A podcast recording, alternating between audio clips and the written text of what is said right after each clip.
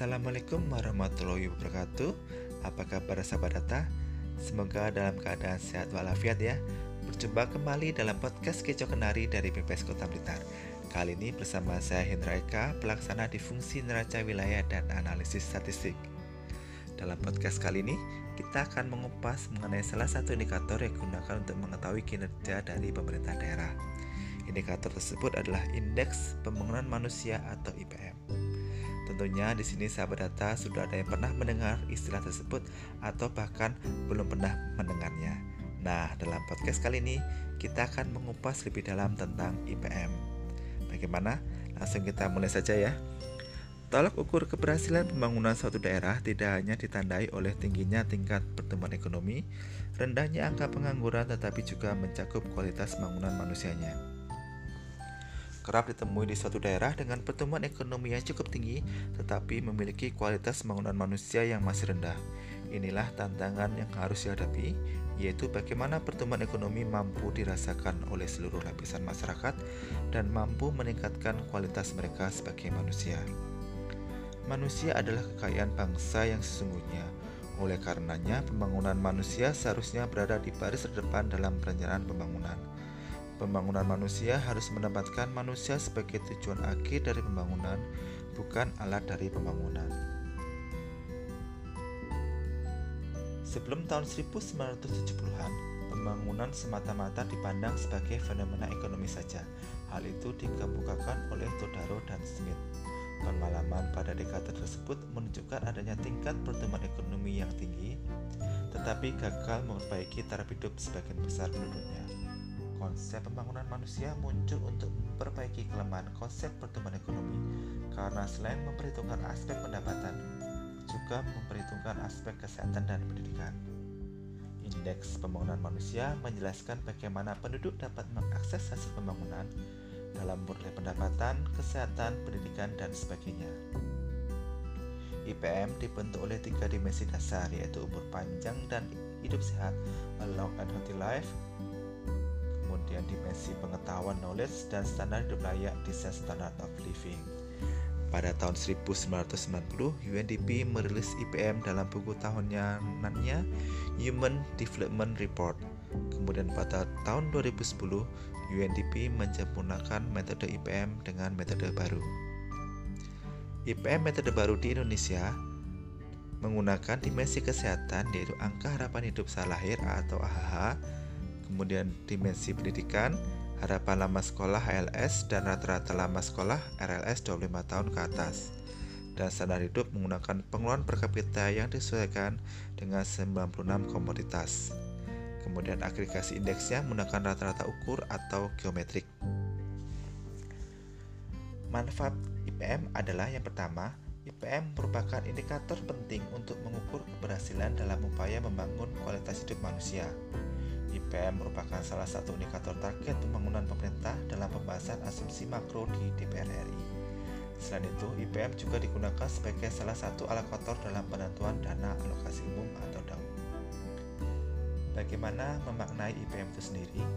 IPM merupakan indikator jangka panjang, sehingga perlu kehati-hatian dalam memaknainya. Peringkat atau ranking bukan satu-satunya ukuran kemajuan pembangunan manusia, karena kemajuan pembangunan manusia dapat dilihat dari kecepatan IPM dan status IPM. Kecepatan IPM menggambarkan upaya yang dilakukan untuk meningkatkan pembangunan manusia dalam suatu periode. Status IPM menggambarkan level pencapaian pembangunan manusia dalam suatu periode.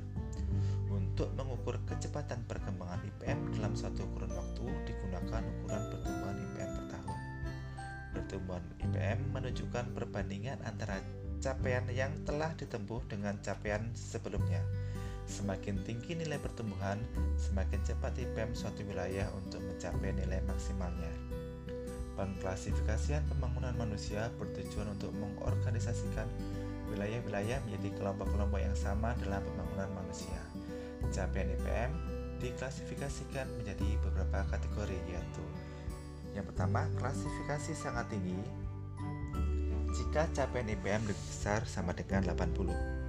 Klasifikasi tinggi jika capaian IPM lebih besar daripada 70 dan kurang dari 80. Klasifikasi sedang jika capaian IPM lebih dari 60 dan kurang 70. Yang terakhir adalah klasifikasi rendah jika capaian IPM kurang daripada 60. Variabel-variabel dalam IPM yang pertama adalah angka harapan hidup saat lahir atau AHH. AHH didefinisikan sebagai rata-rata perkiraan banyak tahun yang dapat ditempuh oleh seseorang sejak lahir. AHH mencerminkan derajat kesehatan suatu masyarakat yang dihitung dari hasil proyeksi sensus penduduk 2010. Variabel berikutnya adalah harapan lama sekolah atau HLS. HLS didefinisikan sebagai lamanya sekolah dalam tahun yang diharapkan akan dirasakan oleh anak pada umur tertentu di masa mendatang. HLS dapat digunakan untuk mengetahui kondisi pembangunan sistem pembangunan di berbagai jenjang. HLS dihitung pada usia 7 tahun ke atas karena mengikuti kebijakan pemerintah yaitu program wajib belajar. Rata-rata lama sekolah atau RLS. RLS didefinisikan sebagai jumlah tahun yang digunakan oleh penduduk dalam menjalani pendidikan formal. Cakupan penduduk yang dihitung dalam RLS adalah penduduk berusia 25 tahun ke atas. RLS dihitung untuk usia 25 tahun ke atas dengan asumsi bahwa pada usia 25 tahun proses pendidikan sudah berakhir. Selain itu, Penghitungan RLS pada usia 25 tahun ke atas juga mengikuti standar internasional yang digunakan oleh UNDP. Variabel terakhir adalah pengeluaran per kapita per tahun yang disesuaikan. Pengeluaran per kapita disesuaikan ditentukan dari nilai pengeluaran per kapita dan paritas daya beli. Penghitungannya menggunakan 96 komoditas di mana 66 komoditas merupakan makanan dan sisanya merupakan komoditas non-makanan.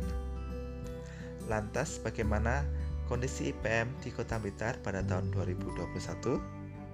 Seperti yang telah kita ketahui bahwa periode kedua pemerintahan Presiden Joko Widodo menjadikan pembangunan manusia sebagai fokus utamanya. Itu artinya kualitas sumber daya manusia yang menjadi perhatian bersama. Pencapaian indeks pembangunan manusia Kota Blitar pada tahun 2021 mencapai 78,98 poin, meningkat 0,41 poin apabila dibandingkan dengan tahun 2020 yang mencapai 78,57 poin. Semua komponen pembentuk IPM yang terdiri dari dimensi kesehatan, pendidikan, dan standar hidup layak mengalami peningkatan. Bayi yang lahir pada tahun 2021 memiliki harapan untuk dapat hidup hingga 73,86 tahun, lebih lama 0,11 tahun dibandingkan dengan mereka yang lahir pada tahun sebelumnya.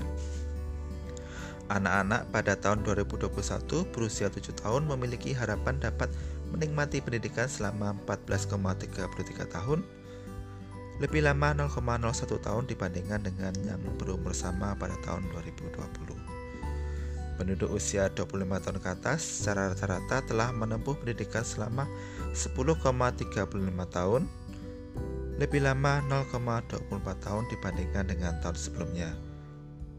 Kemudian pada tahun 2021, masyarakat Kota Blitar memenuhi kebutuhan hidup dengan rata-rata pengeluaran per kapita yang disesuaikan sebesar 13,82 juta rupiah per tahun meningkat Rp83.000 apabila dibandingkan dengan tahun sebelumnya.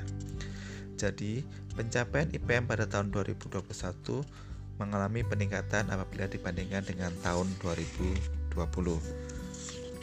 Bagaimana pencapaian kualitas manusia di X Karsiden Kediri? Pada tahun 2021, pencapaian manusia di tingkat X Karsiden Kediri semua dalam klasifikasi tinggi. Terjadi perubahan dari tahun sebelumnya yaitu di Kabupaten Trenggalek pada tahun 2020 dengan berstatus sedang sekarang berubah menjadi tinggi di tahun 2021. IPM pada level kabupaten kota berkisar antara 70,06 di Kabupaten Trenggalek hingga 78,98 di Kota Blitar.